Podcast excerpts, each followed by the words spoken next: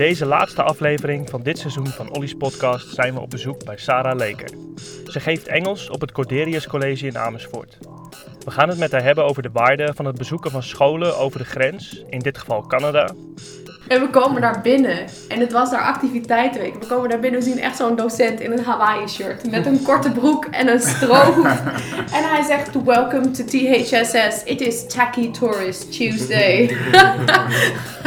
dat was echt heel vet. Uiteraard vragen we haar alles over haar manier van lesgeven en hoe die zich heeft ontwikkeld.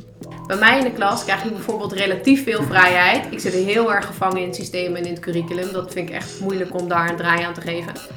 Maar je mag dus werken, eh, ik heb eigenlijk maar één regel. Je werkt op dusdanige manier dat andere mensen ook kunnen werken. En ze deelt met ons haar gouden tips en het meest brakke advies dat ze ooit heeft gekregen. Je moet ze gewoon vertellen wat ze moeten doen. Dan merken ze vanzelf dat jij de baas bent. Een prachtige afsluiting van het tweede seizoen met een kick-ass docent vol vuur en verhalen. Go Sarah! Good to go? Let's go. We zijn weer bij een nieuwe aflevering van Ollie's podcast. Dit keer live vanuit Overvecht, je weet zelf. Uh, we zijn hier te gast bij Sarah Leker, ook echt in haar huis. Dus we zitten hier uh, op een mooie woensdagmorgen. Poesje neemt met een paar hapjes, zie ik. En uh, vogeltjes fluiten buiten. Dus het is een mooie ochtend om te starten. En ook een hele leuke ochtend om weer een docent te interviewen. Sarah, eerlijkheidshalve, we kennen jou nog niet heel goed. Ik heb wel een beetje research gedaan. Ik heb gelezen dat je bij het Corderius College in Amersfoort werkt dat je Engels geeft en volgens mij ook nog op heel veel andere vlakken um, je bemoeit met onderwijs, bezig bent met het ontwikkelen van uh, onderwijs. Uh, dus dat is de research die ik heb gedaan. We beginnen vaak de podcast met de vraag, uh, ja, wie ben je, waar geef je les, et cetera, et cetera. Nou, volgens mij weet je dat heel goed, dus dat is onze eerste vraag. Wie ben je eigenlijk? Kun je dat vertellen aan de luisteraars? Ja, dat is wel een diepe vraag, hè? Wie ben jij? ja. mijn professionele identiteit is docent Engels op een middelbare school inderdaad in Amersfoort. En uh, daar geef ik les aan uh, HAVO en VWO bovenbouw. Superleuk. En af en toe, uh, ja, we hebben ook flexlessen, dus de, de cookies die komen ook bij me, de kleintjes. En ik werk aan de Bildung Academie. doe ik mee bij het begeleiden van een groep van de avondbeelding. Superleuk. Wat is, wat is dat? Oh, dat is wel heel tof. Het is een, uh, eigenlijk is het een onderwijsvorm die gaat over uh, je verhouden tot het onderwerp. Wat ik heel vaak mis in, in het onderwijs is. Um, en nu, zeg maar. We leren dingen, we zijn bezig met de materie. Maar wat ga je dan doen? Daarna moet je toch ook de wereld in als mens. En Bildung die maakt net zeg maar die slag daarna. Oké, nou, we gaan aan de slag met het onderwerp. Uh, vervolgens ga je kijken hoe verhoud ik me hiertoe en daarna gaan we handelen. Hm. Wat betekent dit nu voor mij als mens in de wereld? Nou, dat vond ik super interessant en dat wilde ik heel graag zelf beleven om dat ook in mijn lessen te kunnen integreren. Maar die wereld is zo fijn, daar wilde ik geen afscheid van nemen. Dus toen ben ik, was ik eerst cursist en nu doe ik zelf mee daar. Uh, ja. Leuk. Ja, heel tof. Ja. ja. En nog andere side activities die je naast uh, lesgeven doet? Ja, ik vind waterverven leuk. Dus ik uh, maak uh, onderwijscartoons. En ik heb er nu zoveel dat ik ga kijken of ik ze in een boekje kan printen. Uh, gewoon voor de leuk. Ja. En doe een beetje klussen. Mijn man heeft een bedrijf. Naast, die is docent techniek. En die heeft ook een bedrijf waar hij gewoon ja, kleine renovaties doet. En eigenlijk is zijn specialiteit watervast sierpleisterwerk. Zoals je dat ook in hammam ziet en zo. Oh ja, ja. En ik vind het heel lekker om uit mijn hoofd te komen om gewoon uh, heel hard te werken. Mm. Dus zometeen wordt ook drie kuub zand geleverd. En dat ga ik dan ook gewoon zoveel mogelijk van verzetten vandaag. We zullen wel zien of er op je, Op je vrije dag. Ja, heerlijk. Ja, super lekker. Ja. Oké, okay, en als je uh, een week aan het werk bent of gewoon een week bezig bent, ben je dan vooral veel aan het lesgeven? Ben je ook met de beelddoen actief? Hoe ziet het er ongeveer uit? Ja, dat is echt een goede vraag. Um, ik ben nu, dit tweede half jaar, niet zoveel aan het lesgeven. Uh, ook omdat ik de beelding erbij doe en ook omdat ik uh, dacht dat ik er een andere baan bij ging doen. Uh, maar daar was de sfeer zo slecht dat ik heb besloten om het toch niet te doen. Dat ik onbetaald verlof heb opgenomen. Daarom heb ik nu ook tijd mm -hmm. om met jullie koffie te drinken s ochtends. Ja. ja, ik vind dat belangrijk in het want in het onderwijs, je komt zeg maar op school en dan begint het gewoon. Dus je bent er om acht uur. En dan start het. En je weet niet precies wat er gaat gebeuren. Natuurlijk weet je wel welke les je hebt en wat je wil doen en wat je lesdoel is. Maar wat er gaat gebeuren, weet je niet. Want dat is altijd anders. Ja. Um, Dus dan ben je gewoon van acht tot vijf of half zes of zes op school. Eh, en dan doe je van alles.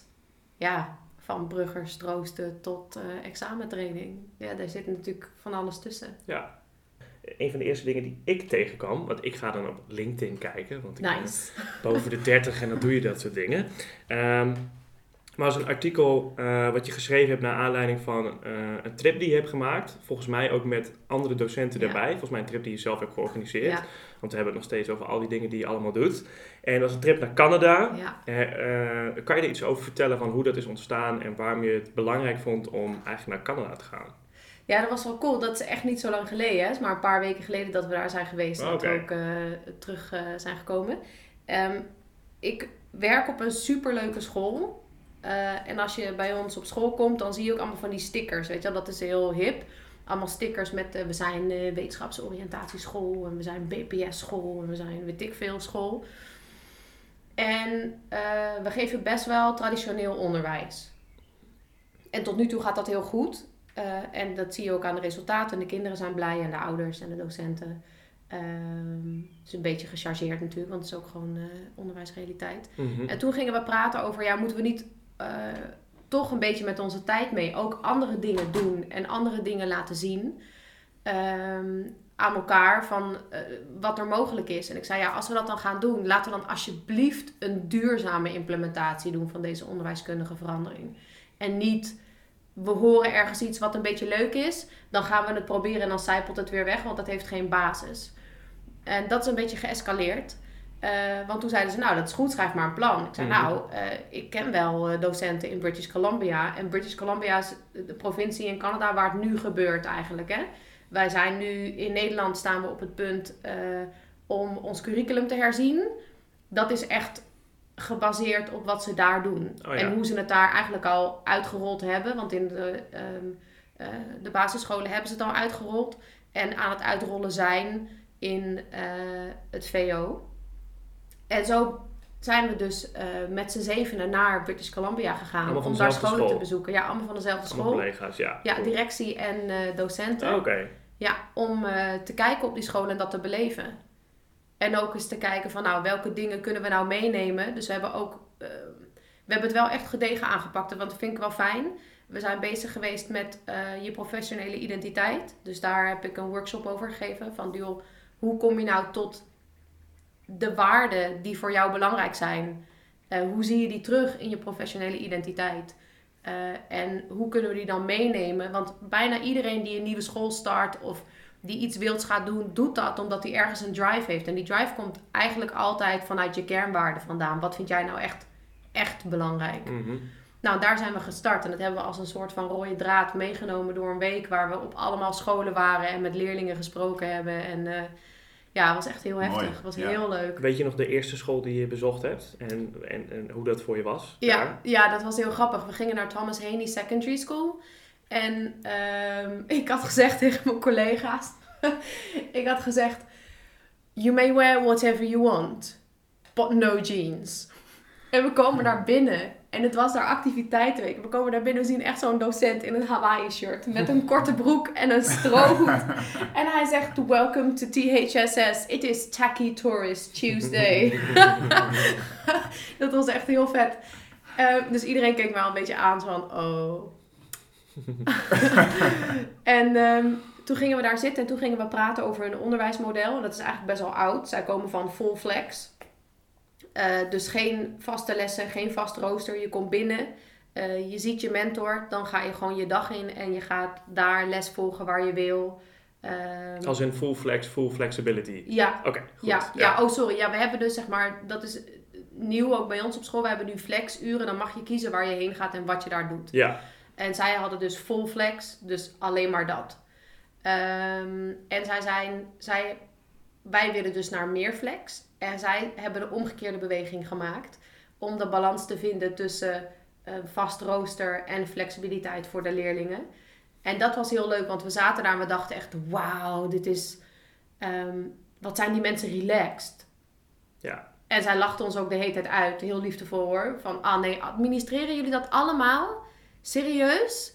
Nou, die bescheurde zich gewoon en we voelden ons echt bevrijd. En dus dat was die eerste school. Nou, daarna werd het nog veel groter en, eh, eh, en breder. En hoe lang, ik ben gewoon nieuwsgierig hoor. Eh, dus als, als jullie liefdevol uitlachen, dan hebben ze natuurlijk wel een track record van wij doen het al heel lang. En we Ja. weten ook al dat het heel lang zo werkt. Ja, zij zijn echt in de jaren, ik geloof dat zij in de jaren tachtig gestart zijn met Full Flex. Oh, en ja. dat ze nu, zij hebben dus die hele, ja, dat hele proces hebben ze helemaal doorgemaakt tot Mhm. waar ze nu komen. En waar ze nu zijn, dat is relatief nieuw, omdat ze, eh, ja, het, is, het systeem is veranderd. Eerst gingen mensen naar die school omdat ze ervoor kozen. En nu zijn ze zo'n district school geworden. Dus nu moeten leerlingen naar die school omdat ze een bepaalde postcode hebben. Ja. Dus moeten ze ook voor iedereen cateren. Hm. Eh, en dan gaat het er wel anders uitzien. En die verandering die paste ook wel bij ons. Want onze school vindt het heel erg belangrijk. We hebben bijvoorbeeld ook geen... ehm, je hoeft niet in te loten of zo bij ons. Als je je opgeeft, dan kan je gewoon bij ons naar school. Ja. Dus al die bruggers die komen... We hebben nu wel een stop, want we groeien uit onze jas. Mhm. Dus niet een stop in de brugaanmelding, maar wel ehm, in de zijinstroom 2 tot en met 6. Ja. Ehm, dus voor ons is dat wel heel interessant om te zien, hé, hoe doe je dat nou als je een school bent voor iedereen, eh, maar je wil wel dit soort dingen in je systeem. Of ja, je wil eigenlijk wat minder systeem trouwens. Ja, en wat meer flex. En zag je ook eh, ehm, verschil tussen de leerlingen? Of tenminste de leerlingen die in eh, de Thomas... eh, Thomas Haney Secondary ja, School. Dus wat, wat zag je daar gebeuren? Ehm, ja, het- wat ik hilarisch vind is dat leerlingen altijd leerlingen zijn. Maakt niet uit waar je komt. In oktober heb ik twee weken Suriname les gegeven. Daar zijn leerlingen ook gewoon leerlingen. Maar ehm, ze hebben eh, wel meer reflectief vermogen. En ze maken dus keuzes omdat ze weten hoe je een keuze moet maken. Dat klinkt heel raar, hè? want je zou toch zeggen... ja, je kan toch altijd kiezen, geef je een kind twee koeken... dan kiest hij één van de twee en dan heeft hij een keuze gemaakt. Mhm. Maar echt kiezen, dus weten wat zijn mijn opties? Wat betekent het voor mij als ik A kies? Wat verlies ik dan? Want je verliest altijd iets als je kiest. Wat betekent het voor mij als ik B kies? Wat verlies ik dan? Wat levert het mij op? De keuze voor de een of de keuze voor de ander? Mhm. Ehm, dat reflectief vermogen hebben ze daar heel erg. Want daar zijn ze ook in getraind. En ze mogen daar ook falen. Dus die kinderen zijn super relaxed. En die eh, eentje die zegt, ja, ik heb mijn examen vast gedaan. Want ik wil heel graag meedoen aan de musical. En dat consumeert gewoon al mijn Hmm. tijd. Dus ik heb gewoon ervoor gezorgd dat ik alles af heb. Wat ik af moest hebben. En alle toetsen heb gemaakt die ik moest maken. En dan kan ik me nu focussen op dit. Mhm. Ja, ik vind dat geniaal. ja, klinkt wel eh, inderdaad wel als een ideaalbeeld, ja. Ja, En zoals ik het hoor, begrijp, hebben jullie tijdens die trip docenten gesproken, maar ook wel leerlingen uit Ja. verschillende klassen. Ja, dus alles. Docenten, leerlingen uit verschillende klassen, eh, directie. Ja, want eh, dat is belangrijk dat je alle lagen ziet. En we hebben ook met elkaar afgesproken toen we op de scholen kwamen dat we niet het eh, verkooppraatje zouden doen.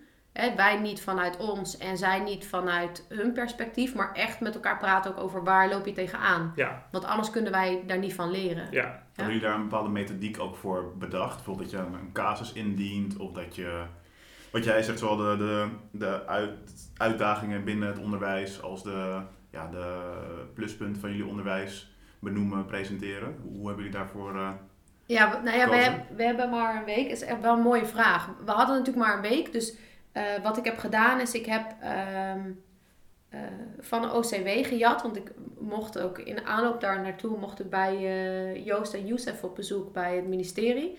En die waren al een keer geweest. En die hadden zo'n hele, zo'n heel delegatieformulier gemaakt. Nou, dat waren natuurlijk allemaal bobo's. Super tof, maar wij zijn maar gewoon normale mensen. Maar ik heb ook een delegatieformulier gemaakt. De Dutch Delegation Form opgeschreven wie we zijn, eh, wat we uit de trip willen halen. En ook gewoon opgeschreven in een brief eh, welke fase zitten we in, waar willen we naartoe, wat hopen we te zien. Want het was bij ons op school best wel een dingetje om dit voor elkaar te krijgen. Want heel veel docenten waren heel boos. Die zeiden ja, en dan, eh, en dan gaat Sarah weer met de vrienden eh, onderwijsgeld uitgeven om met vakantie te gaan naar Canada. Dat zit een beetje in Hmm. het onderwijs, hè, vaak. Die angst van je gaat iets anders doen. Wat als jij terugkomt en ik moet iets, eh, ik voel me al zo druk. Eh, dus sommige mensen gingen best wel een beetje flippen. En ondanks dat ik dat niet zo heel leuk vond, waren sommige dingen die ze zeiden weliswaar niet zo heel liefdevol verpakt, maar wel terecht. Dus toen zijn we gaan kijken, hey, hoe kunnen we dan dat met elkaar verenigen? En hebben we heel veel vragen uit de school opgehaald, eindeloos. Als we het gaan hebben over eigenaarschap, als we het gaan hebben over flexuren. En we gaan daarheen om te kijken, wat wil je dan horen? En uit die vragen hebben we, die mocht je opschrijven, maar je mocht ze ook in werksessies komen brengen. Mhm. En we zijn met 150 man personeel, hè? Die hebben we voor de beeldvorming. En eh, toen hebben we daaruit een soort van ja, destillatie. gem- Hoe zeg je dat? Nee, dit zeg ik echt niet goed. ik We begrijp Al die vragen ja. hebben iets gedestilleerd, namelijk... Nice. Ehm, je hebt een paar kernvragen en die hebben we ja. meegenomen. Die hebben we dus elke keer weer voorgelegd. En zo waren Ja. we dus niet bezig met presenteren van casussen en dat soort dingen. Maar konden we echt gelijk gaan praten over onze pluspunten en knelpunten en die van hen. Ja. Ja. En dat hadden jullie op voorhand al naar hun Ja. eh, gecommuniceerd. Ja, Ja. zij konden zich daarvoor voorbereiden. Ja, ja, en dat vond ik heel tof. Dat hebben ze ook echt gedaan. Wij kwamen bij hen op bezoek en ze hadden echt allemaal, alle scholen, super hard hun best gedaan. Voorbereid, ja. Ja. Ah, oké, ja, ja, Ja. ja. Goed voorbereid. Eén school, SDSS, die had zelfs een Nederlandse lunch met erwtensoep en zo. En een menu in het Nederlands. Ja, echt super schattig. Ah, leuk te horen. En, en nu ben je weer terug in Nederland. En, eh, Ik wil straks nog meer vragen stellen. Ja, over Canada? Ja, Ja. dan gaan we verder. meenemen ook een studiereis naar Canada organiseren, dus vandaar. Ja. Maar oh, dat is super belangrijk. Alles wat ik doe is voor iedereen. Dus al mijn informatie mag je zo hebben. Eh, al die papers, we hebben elke dag een vlog gemaakt en naar, Oh, eh, naar huis gestuurd, zodat de mensen thuis, de docenten, het ook nog mee konden beleven. Je mag alles hebben, want ja, goed onderwijs is gewoon belangrijk dat dat voor iedereen is. ja. Ik ga ook morgen naar de 1014 school. ehm, naar Annelies Robbe om ook te praten over eh, als je dit nou wil, hoe doe je dat dan? Top. Nee, een beetje context. Judy zegt inderdaad dat ik graag een keer een studiereis wil. In ieder geval naar Noord-Amerika. Met Judy. Ik wil gewoon in die scholen lopen. Ik wil gewoon zien wat de vibe daar is. En hoe, hoe, hoe ze met elkaar omgaan. Hoe ze onderwijsmateriaal maken. Hoe ze dat geven. Hoe de lessen lopen. Al dat soort aspecten. Ja, pak het vast. Er ligt daar een boek dat heet eh, hashtag @journey. Deze. Ja, onder professional eh, capital. Mag je hebben, neem maar mee. Super Oké, vet. Als dit is wat je wil, is dit ook echt goed om te lezen. Nou, vet. Hij zag hem al liggen hoor. En dan ging je een beetje sturen met vragen van... eh hey, Ja, net ga zo lang boek tot hij krijgen? kreeg. Ja. Maar nu heb je hem binnen. Stel je vraag maar uit, Judy. Wat wou je nou precies? Eh, nee, ik was wel eh, geprikkeld door eh, het kanspunt dat jij noemde van we willen onderwijs anders vormgeven. En nu zijn jullie eh, onder andere in Canada geweest. Ik denk dat er nog wel veel meer is gebeurd in de tussentijd. Maar ik, ik vraag me af wat eh, die reis en al die ervaringen jou hebben gebracht, zowel als docent. Dus ben je nu anders gaan lesgeven, om het met even, even heel zwaar te zeggen. En wat heeft het jullie school gebracht? Wat eh, zijn jullie vervolgstappen naar aanleiding van, van zo'n trip? Ehm, nou, je stelt eigenlijk twee vragen. Klopt, ja. Ehm, Klopt, ja. voor mij. Het is om bedenktijd te krijgen. Hè? Ja. Goeie vraag. Je stelt eigenlijk Ja. twee vragen. Let me think, let me think, Yep. let me think. Ja, exact. Ik stel twee vragen. Wat, wat heeft je lessen gebracht eh en jou als docent? En wat Ja, heeft nee, je ik had de vraag wel onthouden. Ik was inderdaad tijd aan het kopen. Ook om te kijken waar ik ging beginnen. Nou, voor mij als docent heeft het... eh, mij heeft het gewoon heel erg bevestigd in dingen waarvan ik eh, ja, in mijn onderbuik altijd wel voelde dat het daar tijd voor was, maar niet durfde te doen omdat ik eh, steeds vond dat ik niet zwaar genoeg was. En eh, in het onderwijs, hè. En ik had elke, elke keer wel een excuus om wel een beetje veranderingen door te voeren in mijn eigen klasje, maar verder niet zo mijn nek uit te steken. En, ik ben nog zo jong of nou, trek maar een ander scherm op om je achter te verschuilen. En nu dat ik hier ben geweest en ik heb gezien ook wat het met mijn collega's uit de groep heeft gedaan, voel ik me veel meer bevestigd om eh, hiermee door te gaan, maar het ook veel groter te maken. Dus bij mij in de klas krijg je bijvoorbeeld heel veel vrijheid. Eh, ah. Bij mij in de klas krijg je bijvoorbeeld relatief veel vrijheid. Ik zit heel erg gevangen in het systeem en in het curriculum. Dat vind ik echt moeilijk om daar een draai aan te geven. Maar je mag dus werken. eh, ik heb eigenlijk maar één regel. Je werkt op dusdanige manier dat andere mensen ook kunnen werken. En dat kan dus zijn dat je samenwerkt of dat je op een andere plek in de school werkt of dat je eh, wel werkt met ehm, de doelen die we hebben, maar je er een andere draai aan geeft omdat je een ander onderwerp interessant vindt. Dat zijn wel allemaal dingen die ik al in de les doe. Maar Mhm. wat ze daar doen is gewoon bijvoorbeeld eh, inquiry-based learning. Een, leerling echt bevragen totdat je komt bij de kern van wat hij of zij interessant vindt. En dan door goede doelen te stellen en constant goede feedback te geven en de leerling te leren reflecteren, komen tot het ontwikkelen van die vaardigheden. Nou, dat heeft het mij echt wel gebracht dat dat dus gewoon kan. Dat dat, eh, en dat had ik ook wel kunnen weten natuurlijk, want je hebt hier allemaal verschillende soorten scholen waar ze dat doen. Maar toch, als je daarheen gaat en je gaat even buiten die vergelijking, want je bent in een hele andere context, dus je neemt het gewoon in je op zonder Mhm. de hele tijd terug te denken aan, ja, maar bij ons kan dit niet, want. Ehm, ja, toen kwam het heel erg binnen van ja, dit is wat ons te doen staat. Mhm. Je, we, we stomen je niet alleen klaar voor je examen, we stomen je klaar voor het leven. Je gaat het leven in hierna. En dat is super belangrijk. Wie ben jij? Wat heb jij nodig? Wat heb jij te bieden? Wat is jouw drive? Jij gaat de wereld in, je bent de volgende generatie. Kom op jongens. Hoe bedoel je idioomlijsten? Zeker, woordenschat vergroten is belangrijk om Engels te gaan spreken. Maar hoe kunnen we dan wat kunnen we aanboren om ervoor te zorgen dat dat ook iets is wat jij, wat jij wil doen? Of waarvan jij zegt van nou, ik doe het, ik wil het eigenlijk niet, maar ik zie het nut er wel van in. Nou, dat heeft die reis mij heel erg gebracht, ook een beetje de durf.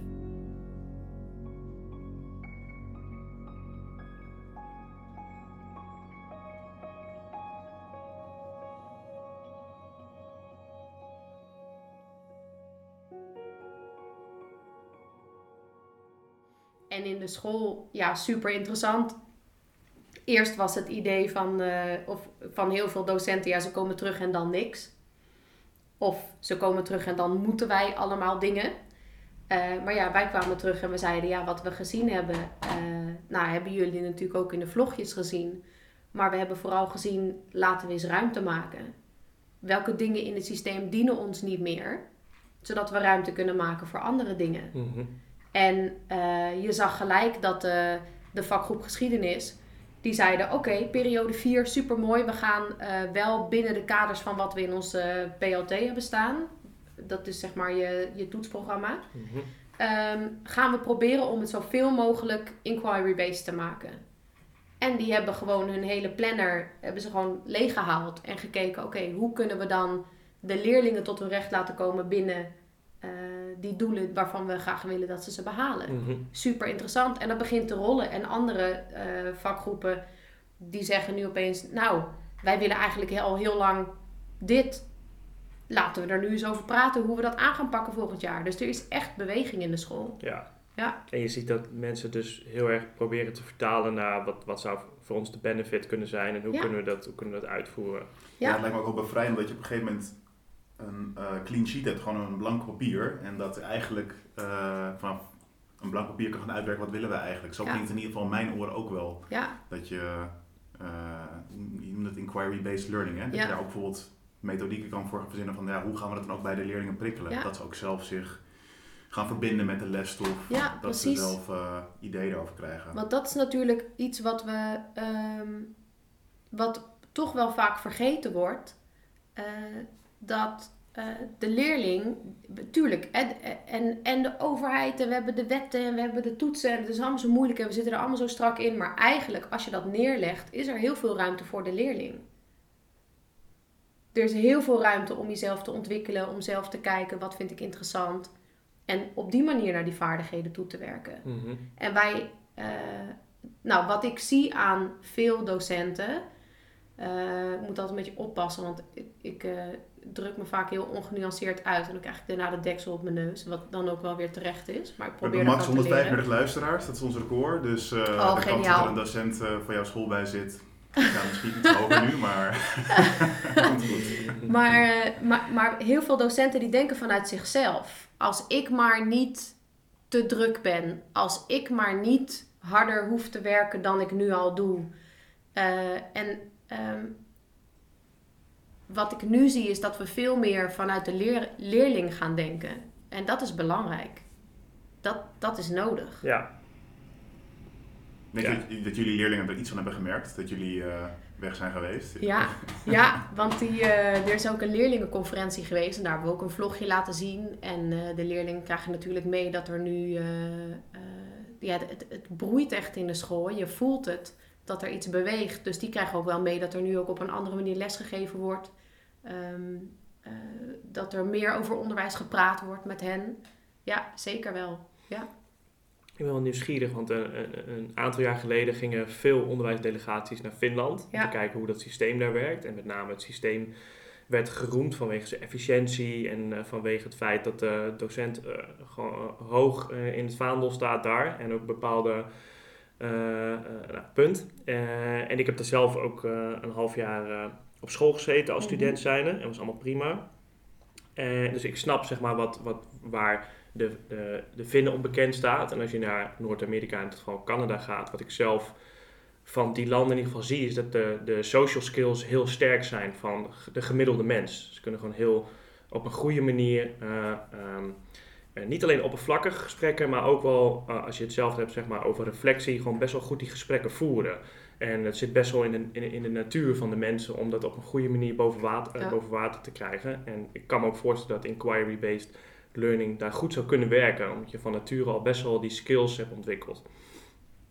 Eh, maar ik ben gewoon nieuwsgierig, want je bent natuurlijk daar geweest en je gaat ook iets vertellen over hey, hoe werkt het bij ons eigenlijk. Merk je ook een beetje dat eh, wat, wat Nederlands onderwijs toch ook sterk maakt? Dat je zegt van ja, dit is wel echt iets wat we in, in Nederland of wat, wat wij doen, wat ook gewoon best wel goed werkt.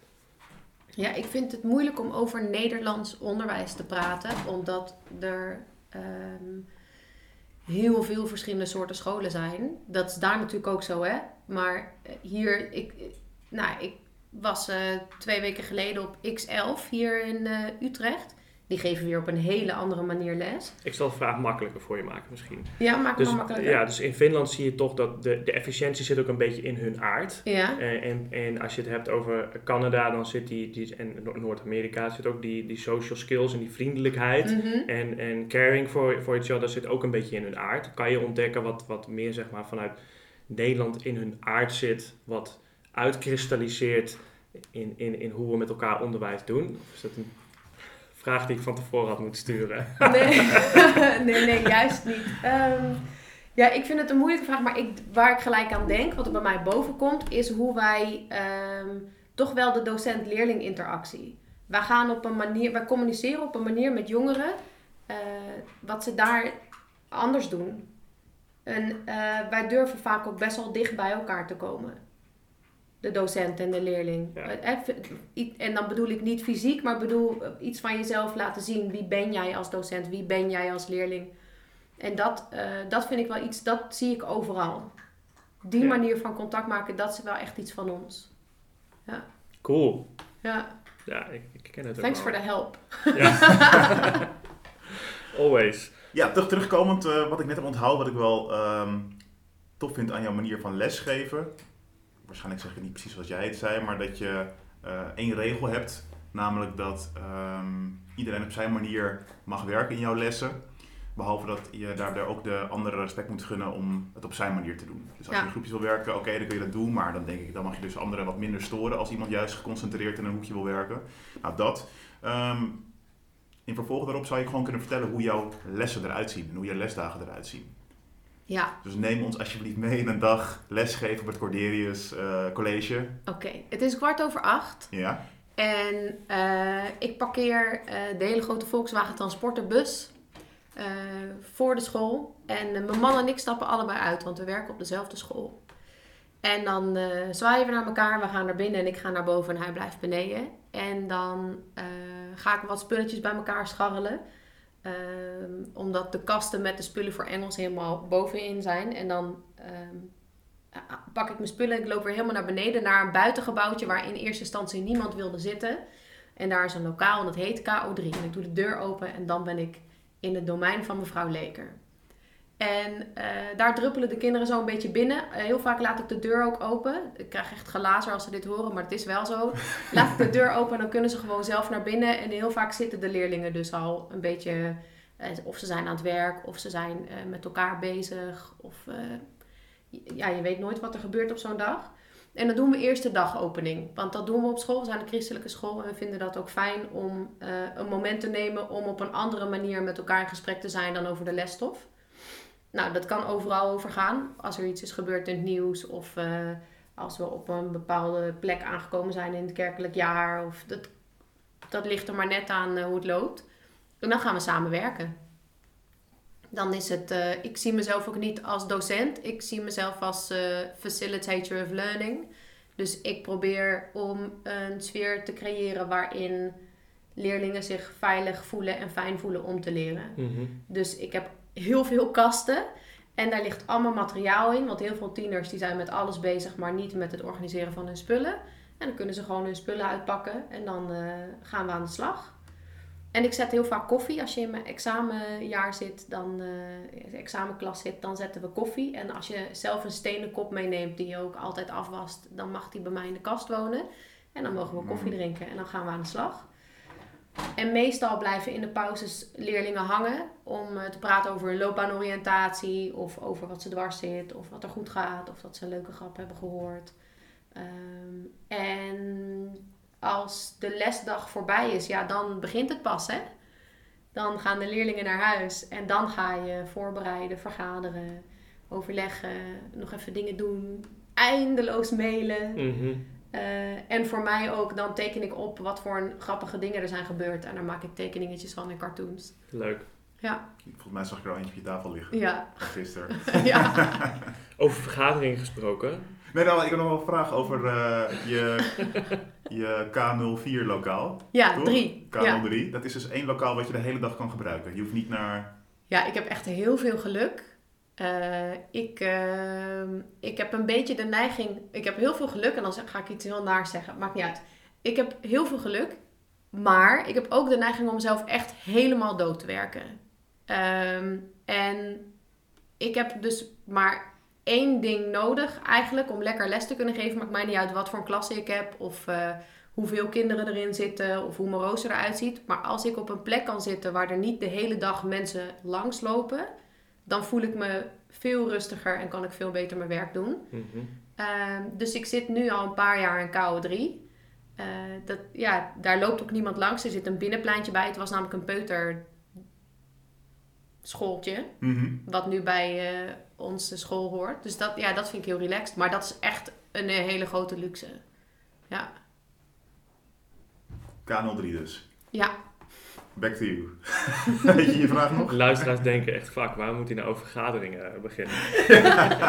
nee, maar ik ben gewoon nieuwsgierig, want als je, als je zeg maar steeds meer dingen ontwikkelt en, en je bent heel erg bewust ook bezig met, met je lessen en alles, alles wordt langzaamaan beter. Eén aspect wat toch altijd best wel old school is en blijft, zijn vergaderingen. Ik ben gewoon nieuwsgierig, hoe beleef, hoe beleef je dat? Dat element dat je met elkaar gaat vergaderen.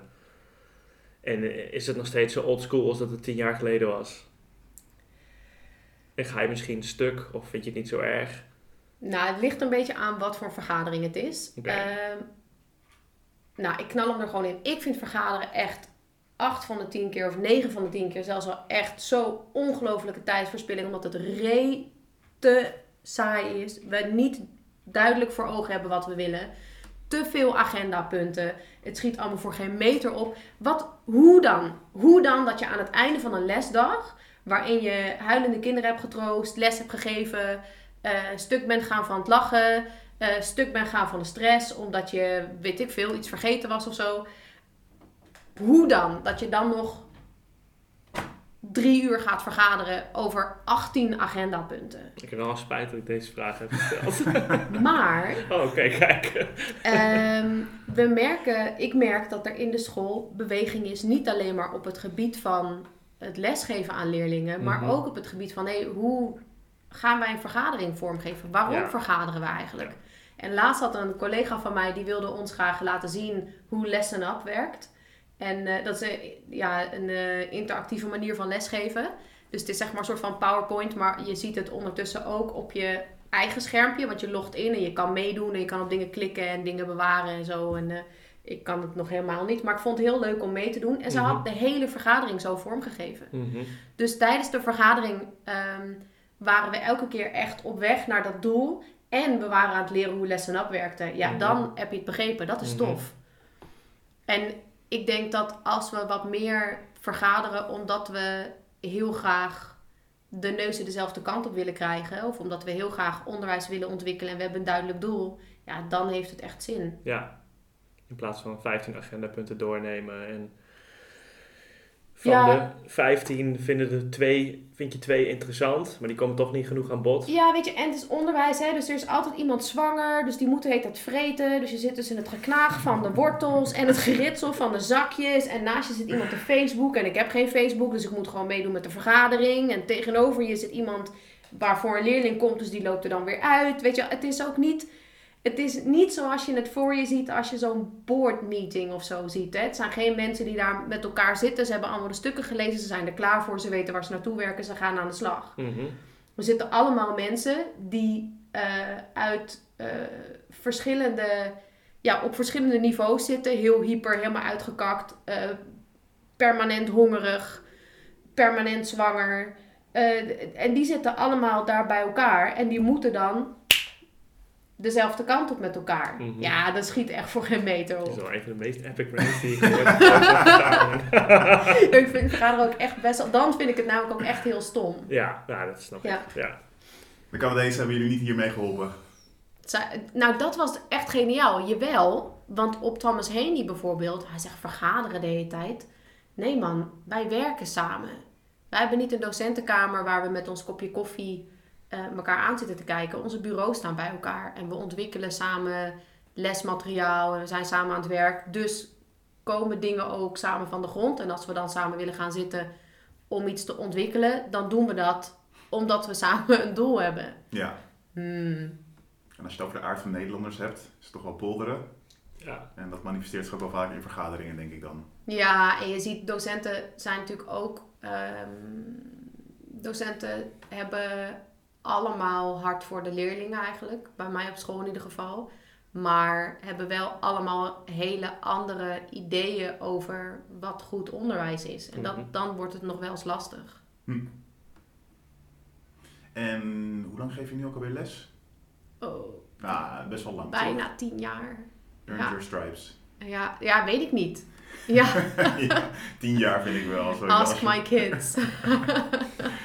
Nee, ik eh, ga ervan uit dat jij wel, eh, als je zo vertelt, gewoon echt wel met eh, passie voor de klas staat.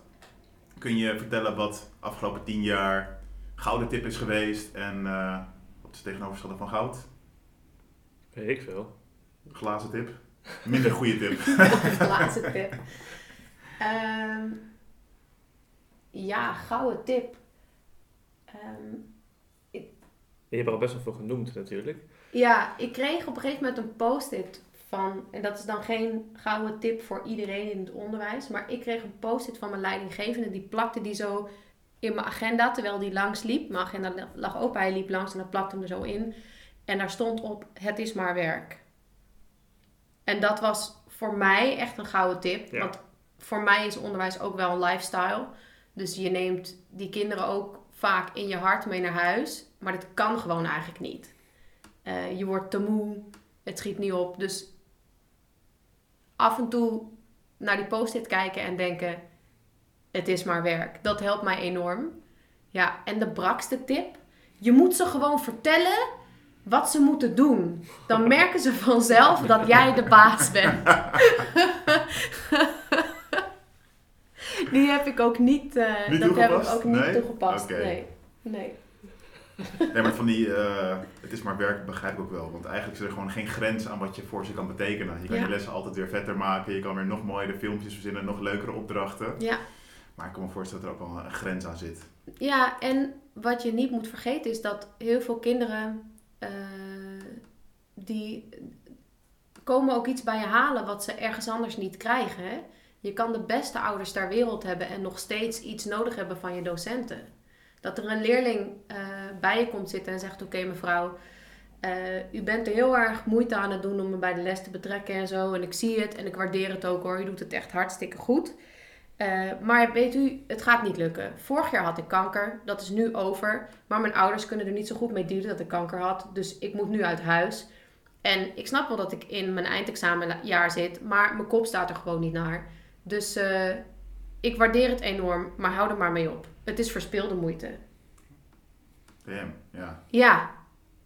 Dus je bent, om, omdat dat ook, omdat dat ook de realiteit is, omdat kinderen ook eh, verdriet kennen en ziekte en, eh, en dat ook meenemen naar je les en je daar super openhartig over vertellen, ja, dat, dat maakt dat het gewoon echt soms moeilijk is om het maar, maar om het als werk te zien. Mhm.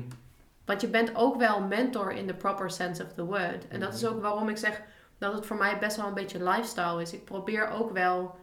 ehm, ik probeer er ook wel naar te leven. Ook wel te laten zien, hé, eh, eh, hier heb ik gefaald. Kijk, en toen heb ik ervan geleerd. Om hen ook te laten zien dat dat, dat, dat ook kan. Dat het oké is om mens te zijn. Ja. Ja, mooi. Eh, ik vraag me ook af, want je bent dus enerzijds docent Engels en anderzijds zeg je ook, ik ben ook een mentor. Ehm, kun je ook nog zeggen dat je in een bepaalde rol gewoon echt wel op je best voelt? Voor de leerlingen dan? Ja, ik voel me eigenlijk in die mix voel ik me wel op mijn best. Dus ik, eh, wanneer je eh, door de klas loopt en, en- en de sfeer is daarnaar dat iedereen lekker kan werken en zo. En dat als je iets dwars zit, dat je bij me kan komen. Dat is ook echt wat ik probeer eh, te creëren, die sfeer. Dan ben ik op mijn best.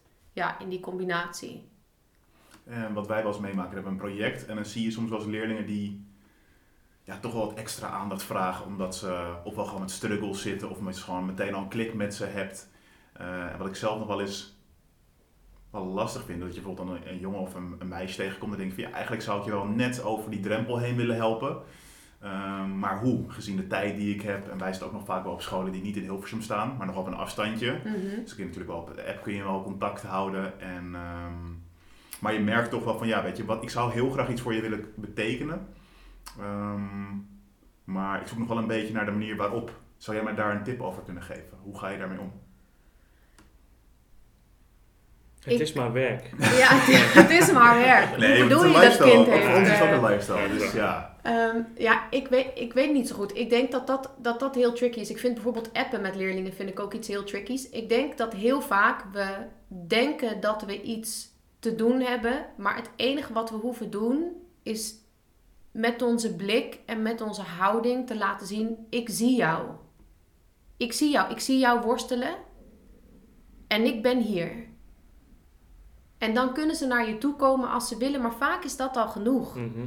Vaak waar wij denken dat we eh, hele fratsen uit moeten halen om, om die kinderen erbij te trekken en zo, is hen even laten merken dat je ze ziet. En de keer daarna natuurlijk weer, maar elke keer even dat moment nemen om oogcontact te maken. Of die glimlach op het moment dat het ertoe doet. Dat is vaak genoeg. Ja, dat is wel een goede tip. Ah, gelukkig dat Maar ik wil er wel meer over weten. Dat is een goede tip. En eh, stel je voor die, die situatie. Ik heb een leerling in de app, dan werkt het niet. Wat moet ik dan doen? Nee, gaat hartstikke goed. Eh, stel je voor, je hebt gewoon een half uurtje tijd en eh, die leerling eh, die wat extra hulp vraagt, die, eh, daar heb je dus tijd voor in dat half uurtje. Hoe, hoe zou jij dan omgaan met die tijd die je hebt? Heb je daar ook een bepaalde stijl voor ontwikkeld? Voor hoe Ja. je eh, dat gesprek aan kan gaan, cut the crap, oké, we weten wat er aan de hand is en eh, op die manier zou ik je kunnen helpen of dat advies zou ik wel of niet geven. Ja, dat is, dat is persoonsafhankelijk. Ik weet wel, ik was aan het lesgeven en er was een jongen in mijn klas. En eh, ik ben wel gek op die kerel. Hij wil echt niet deugen. En, ehm, maar hij is heel lief. En hij zat een beetje in de rat. Weet je, je hebt heel vaak dat jongens, weet je, die hebben dan een beetje swagger. En ze kunnen mooi praten. Dus ze glijden overal een beetje doorheen. En dan wordt het menens. En dan gebeurt er echt iets. Ja, en dan zegt iedereen, sorry schat. eh, nu niet meer nu heb je het, het is op, zeg maar. Dus die kwam, eh, die kwam bij me en dat was helemaal zielig en zo. En hij vertelde ja, en, eh, en ik ben ook ziek geworden. En nou, er waren allemaal legitieme redenen waarom het niet lukte. En dan zeg ik ook, oké schat, je kan super mooi praten. En dat doe je al zo lang, dat nu dat je ons echt nodig hebt, niemand meer trek heeft om wat voor je te doen. Want it's all talk and no work. Ik zeg, so first you're going to deliver. Wat kun je doen? Wat moet er gebeuren? Wat kun je doen? hoeveel tijd heb je in je dag? En ik ga dat gewoon structureren met hem. Maar ik laat hen dat wel zelf ehm, eh, aangeven. Wat, je moet, hè, wat, wat ze te doen hebben en hoe ze dat aan kunnen pakken. Maar ik zeg het ook gewoon heel hard. Je lult heel mooi. Je doet geen reet. En nu dat je ons nodig hebt, denken wij, laat het eerst maar zien. Dus ga het maar laten zien. Ja. En een ander die heeft weer heel veel. Ik had een leerling in VWO 6. En ik laat ze altijd een brief aan mij schrijven aan het begin van het jaar en inleveren. Waarin ze beschrijven hoe hun schoolloopbaan is geweest, wat ze van mij nodig hebben dit jaar. eh, en of ze een gebruiksaanwijzing hebben. Want de meeste kinderen hebben een gebruiksaanwijzing. Doe je met alle leerlingen of met... Al mijn leerlingen schrijven me een brief. Oh ja. Ja. Ja, ik snap ook niet waarom ik dat doe hoor. Takken veel werk. Maar maakt niet uit. Hm. Ehm, en, en zij had gewoon echt geen vertrouwen in dat ze het kon. Omdat ze zo vaak miscommunicatie had gehad met haar docenten. Dat ze elke keer niet snapte wat er van haar verwacht werd. Dus scoorde ze niet goed. Dus voelde ze zich rot. Nou, en zo ging het een beetje bergafwaarts. En met haar ben ik gewoon heel rustig gaan zitten. En een gesprek gevoerd over hoe kan je nou aangeven aan mij of je het begrepen hebt of niet. Hoe kan je aangeven aan mij of ik jou wel goed begrijp of niet. En door dat te doen, en dat is 20 minuten geweest aan het begin van het jaar, eh, heeft ze er mojo gevonden. En nu gaat het hartstikke goed. Hm. En bijkomend voordeel, je haar gaat glanzen, je ogen gaan stralen, je huid wordt beter, je voelt je lekkerder. Eh, want je, je ziet ze opbloeien. Dus het is voor iedereen een beetje anders en het is goed voelen. Ja. Maar schuw het niet. Het Schuw het niet ook om te zeggen waar het op staat. Dat doen ze naar jou ook. En jij ziet ze het hele jaar door natuurlijk ook. Ehm, merk je wel dat je ook wel vertrouwen moet opbouwen? Of kun je dat ook al vanaf de eerste minuut wel die rol oppakken? Ja, ik, zit, ik werk nu heel lang op school. Dus ik, eh, ik heb wel een bepaalde reputatie. Dus ik, Ook onder leerlingen. ja, Ja. alle tijd die ik op school ben, is ook voor de leerlingen. Dus als ik er ben, ik ben fysiek aanwezig en jij hebt mij nodig. Dan moet er iets heel raars gebeuren, wil ik geen tijd voor je maken. En Ja. de leerlingen weten dat. En dus dan is het ook makkelijk om het vertrouwen op te bouwen. En verder is onderwijs onderwijs. Aan het begin van het jaar geef ik super duidelijk mijn regels aan. Eh, nou, mijn regel eigenlijk Mhm. aan. En, en daar mag je gewoon niet aan tornen. En als je dat wel doet, en dat doen ze vaak aan het begin van het jaar. Want kinderen houden vaak ook wel van grenzen. Want dan weten ze waar binnen ze zich kunnen bewegen.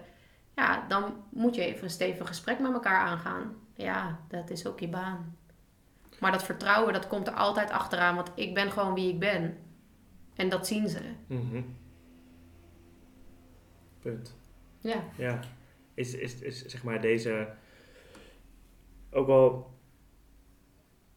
ja, deze power en gewoon ook het bewustzijn over, over de kracht die je hebt en, eh, en heel duidelijk eh, een besef en, eh, en ook wel een uitwerking hebben van hoe je erin staat, is dat iets, kijk, natuurlijk een beetje open deur, natuurlijk heeft het zich zo ontwikkeld, maar is dit iets wat gewoon altijd al een beetje in jou zat en wat gedurende ehm, eh, je leven en, en, en, je tien jaar les als een ruwe diamant is, is geslepen tot, tot, tot, eh, tot wat het nu is? Of is het, hoe heeft het zich ontwikkeld? Was je daarop uit? Nee, nee, ik was er sowieso niet op uit om het onderwijs in te gaan.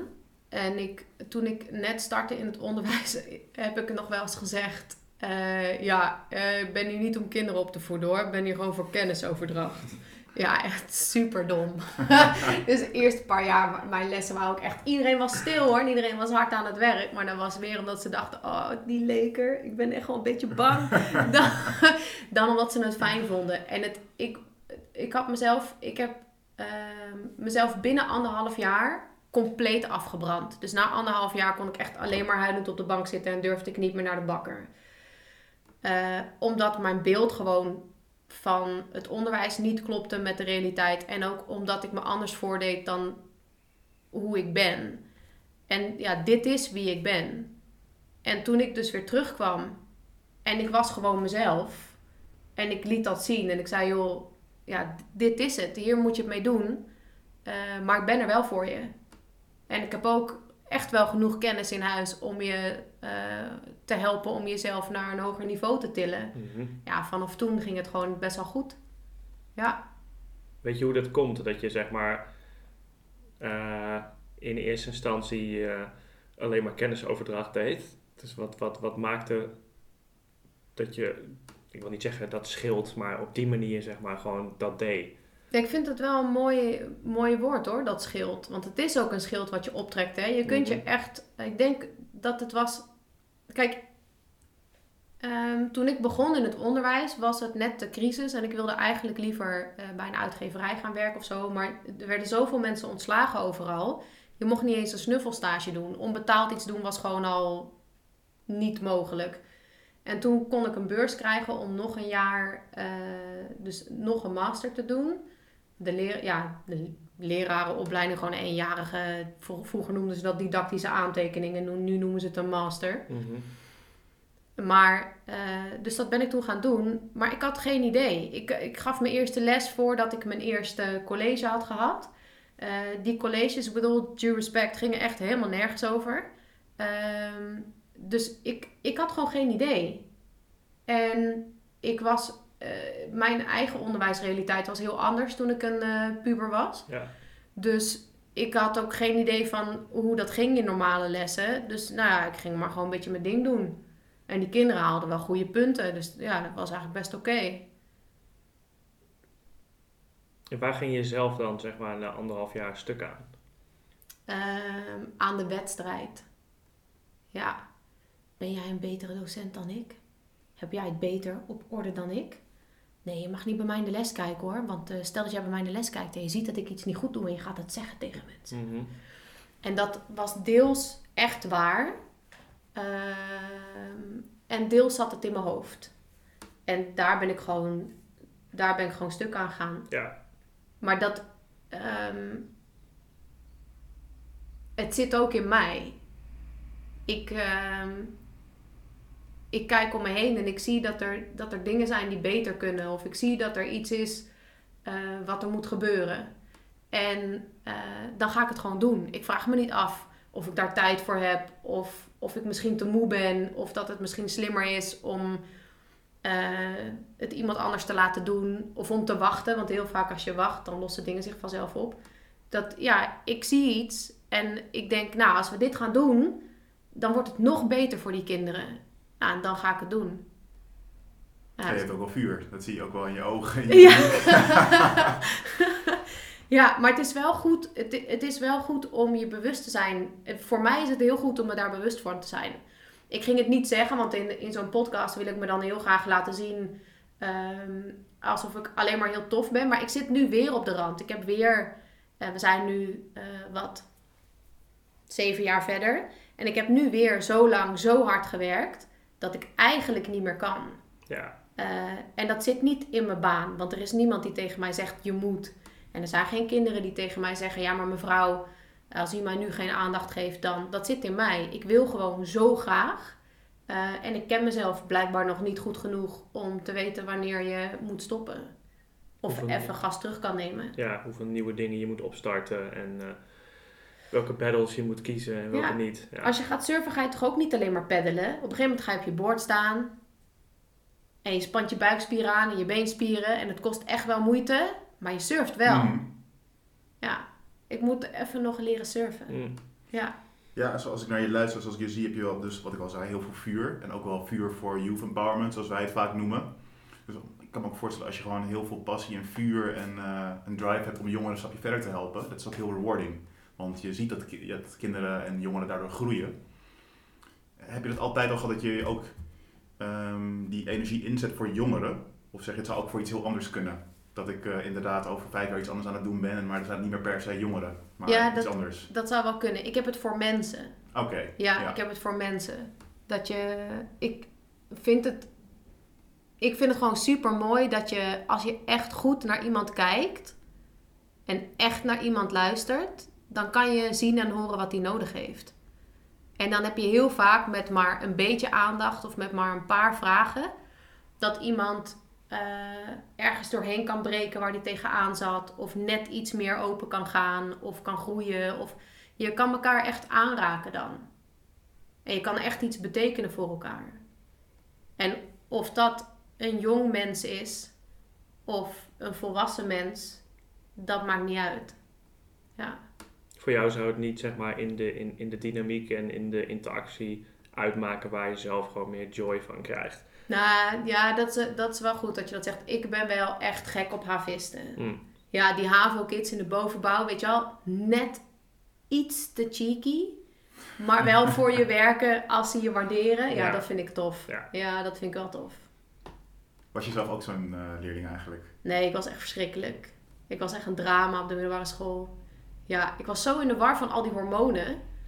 Dat, ja, ja, echt, het sloeg gewoon allemaal helemaal nergens op. Dus op een gegeven moment hebben ze maar mijn ouders gesmeekt of ze me alsjeblieft van school wilden halen. Want je mag natuurlijk niet zomaar iemand van school sturen. Nee. En toen was er gewoon geen enkele andere school meer in de omgeving die me wilde hebben. En toen hebben mijn ouders eh, hun hypotheek verhoogd.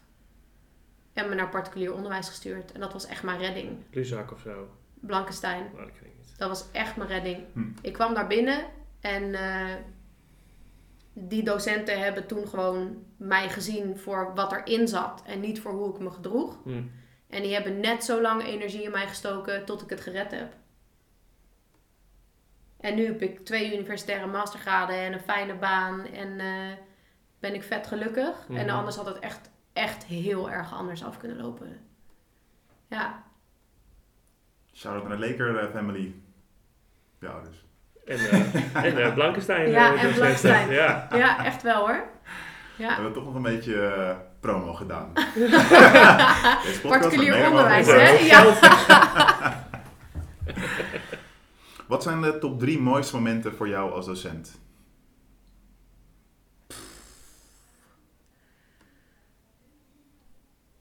Oké, ik heb echt een heel leem antwoord.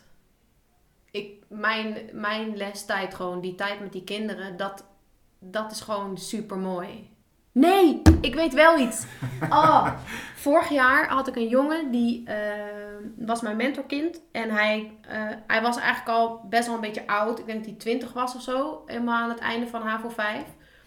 Eh, speciaal onderwijs gedaan, toen bij ons ingestroomd, per se HAVO willen doen, toch steeds weer blijven zitten. En je mag dus een keer blijven zitten voor HAVO 5 en dan mag je in HAVO 5 mag je ook nog een keer blijven zitten. En hij was altijd maar aan het werk en naar eh, studiebegeleiding en weet ik het wat allemaal. En het zag er gewoon echt niet goed uit. En toen kon ik hem toch bellen dat hij geslaagd was met alleen maar zessen op zijn lijst.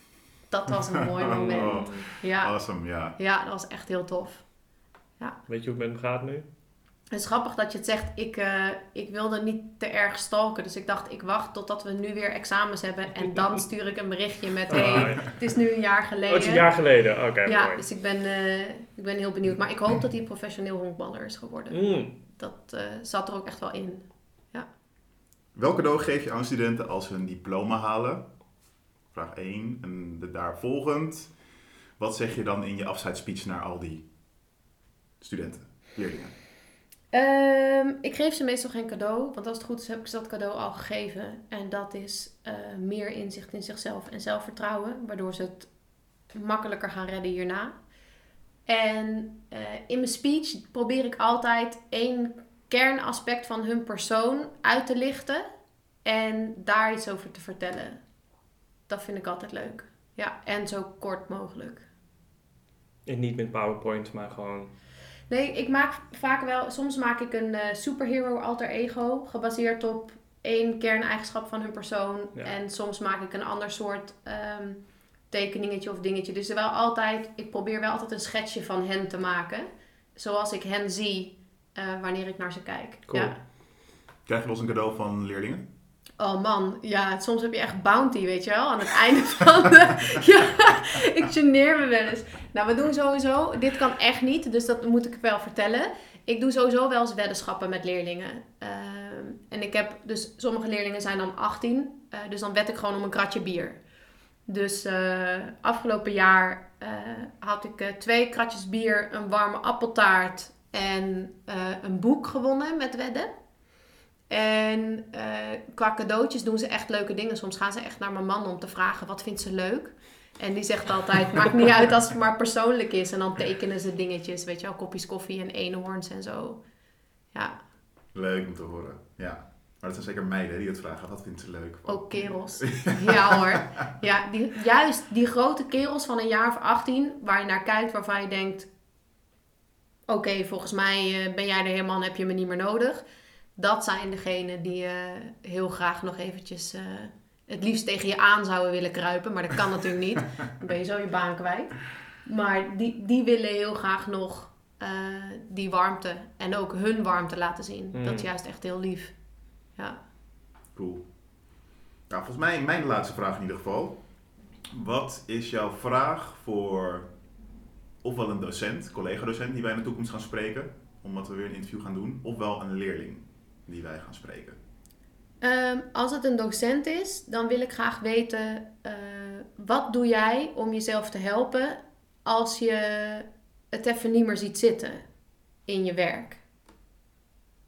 Dat ben ik heel benieuwd naar. Daar praten we niet zoveel over, want eh, zeker niet in zo'n podcast of ja, als we bloggen en zo, dan zie je allemaal eh, hoe die docenten allemaal heel mooi het altijd volhouden. Mhm.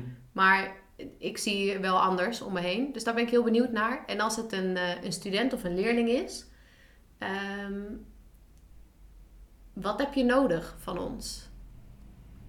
Ja, Very, very good. Let's make it happen. Ja, mooie vraag. very nice.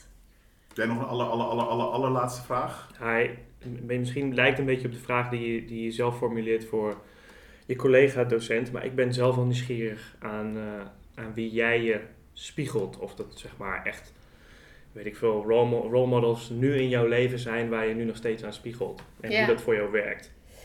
Eh, in mijn werk heb ik, eh, heb ik drie mentors. Eh, ik heb Egbert, Kees en Joost.